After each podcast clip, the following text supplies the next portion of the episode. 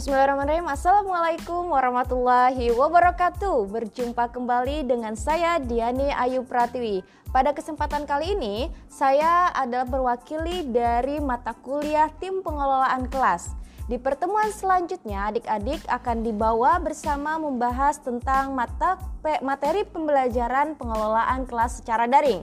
Nah sebelumnya uh, di mata kuliah pengelolaan kelas adik-adik sudah belajar bagaimana memahami kemampuan dan keterampilan eh, yang harus dimiliki oleh seorang guru dalam merancang pengelolaan kelas yang baik dan efektif. Tentunya di pertemuan sebelumnya adik-adik sudah membahas dan mempelajari berbagai macam prinsip, pendekatan, strategi, dan teknik sehingga dalam menciptakan suasana pengelolaan kelas yang baik dan menyenangkan dapat diimplementasikan dengan baik. Oke, pada kesempatan kali ini adik-adik akan kita berikan wawasan sedikit terkait dengan bagaimana pengelolaan kelas secara daring.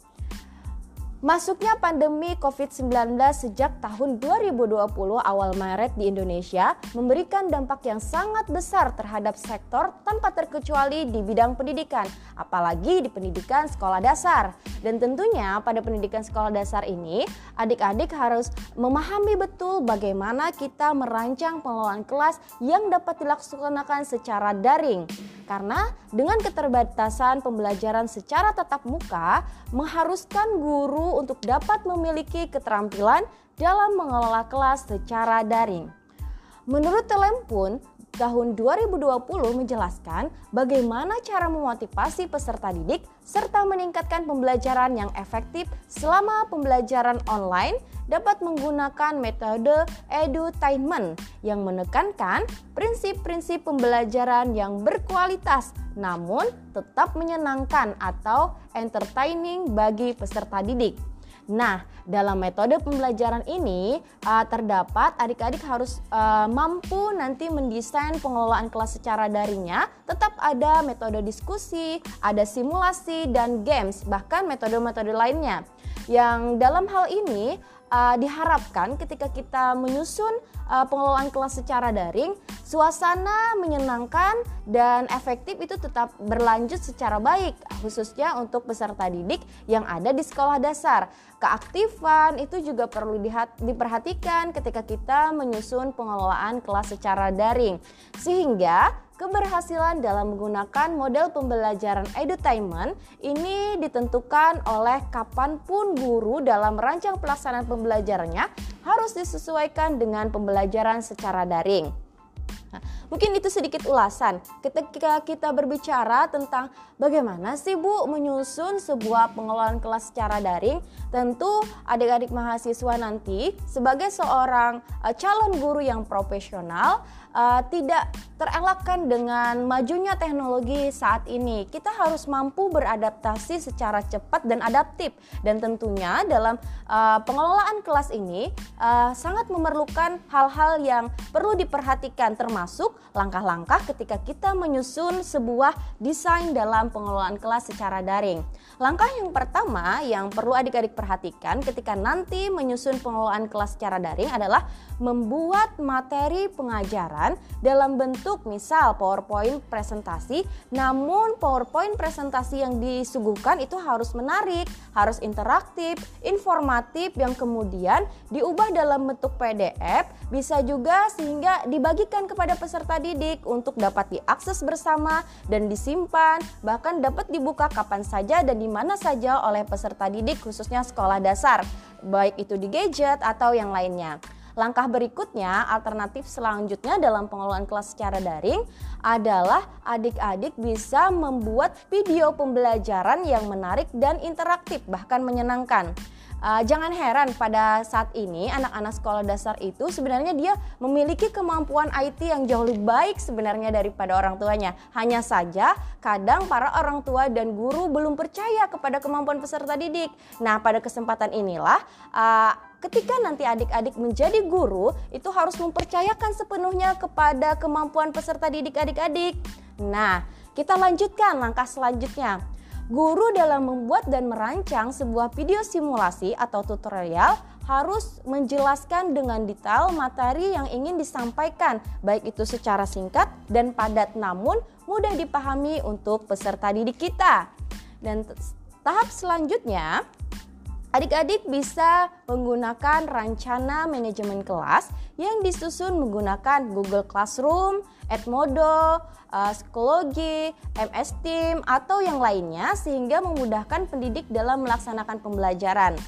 Langkah selanjutnya, materi pembelajaran yang telah disusun dalam satu semester atau satu tema bahkan subtema itu perlu disusun dengan e-book yang lebih interaktif dalam bentuk PDF misalnya. Sehingga ketika kita padukan dengan pembelajaran secara daring, materi itu sudah didapat oleh peserta didik sehingga kita hanya sedikit mengulas dan memberikan interaksi yang positif kepada peserta didik. Tahap selanjutnya yaitu guru dapat memaksimalkan penggunaan media media sosial untuk berinteraksi dan melaksanakan pembelajaran. Kalau kita sering lakukan, biasanya kan pakai WhatsApp group, Line, Telegram, Instagram juga bisa digunakan. Jadi, kita manfaatkan saja apa yang saat ini digunakan oleh peserta didik dan kita tarik uh, media sosial itu untuk sisi edukasi atau edukatif. Di sinilah peran guru sebagai manajemen kelas dalam pengelolaan kelas secara daring.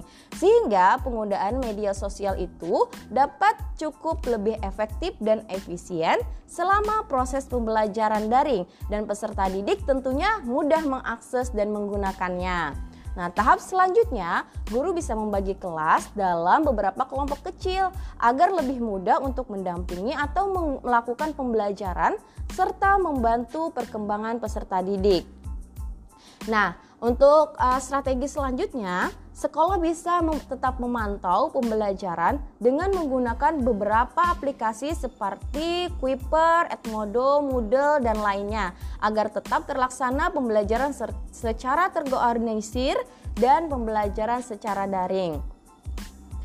Selama pembelajaran daring atau uh, pembelajaran tatap muka yang terbatas, guru harus melakukan koordinasi secara terus-menerus dan kerjasama yang baik kepada orang tua. Hal ini menjadi hal yang sangat penting karena peran orang tua dapat memantau semua proses pembelajaran anak-anak mereka.